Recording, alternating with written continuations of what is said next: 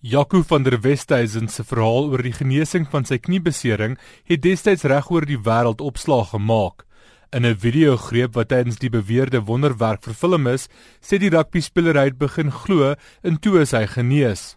My name is Jaco van der Westhuizen. I'm a professional rugby player. Earlier in the season I hurt my knee. I had a friend back home that had a brain tumor and he got healed. And then I started believing. And uh, came here. And the, as you saw, the, the prophet, he prayed for me, and I started running. And from that moment on, I was healed. I was totally healed.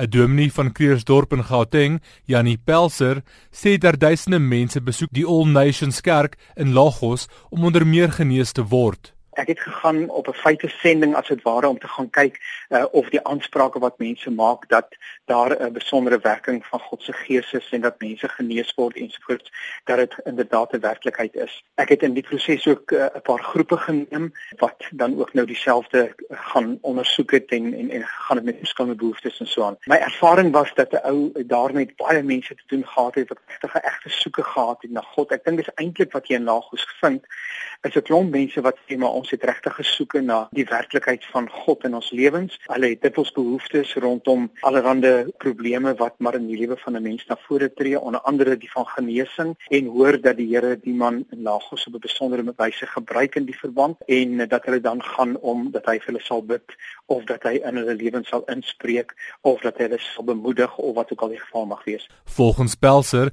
is sy eie lewe geraak deur sy tyd in die land. Uit die aard van die saak is die besoekers min in vergelyking met die met die lokale mense. Dis eintlik maar lokale mense wat die eredienste bywoon, maar ek bedoel dis duisende wekkende getalle van mense, groot groot duisende van mense wat op 'n erediens dwars deur die week eintlik is daar dienste en geleenthede waar die mense opdaag en waar besig is met Bybelstudies en met lering en met afske goeie. So daar's baie baie mooi momente uh, wat 'n mens daar raak sien. Dit het my geïnspireer om met groter oorgawe te lewe, om meer te verwag van my eie geestelike lewe. Hy sê dit is verkeerd van mense om God te blameer vir foute wat byvoorbeeld weens swak bouwerk veroorsaak is. Uit die aard van die saak as gelowige, 'n ou hieroor na, ou vra vra, ek weet ons is mos nou nie zombies nie. Ons het mos 'n verstand.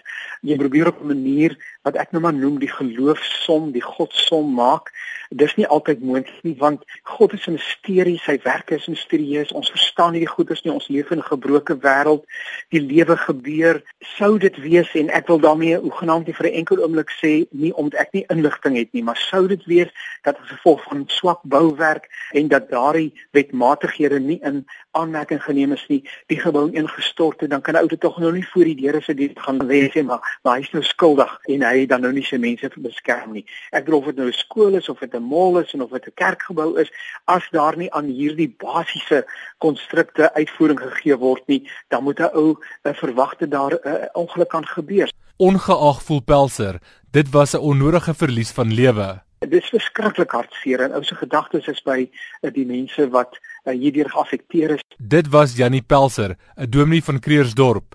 Ek is Jacques Steenkamp in Johannesburg.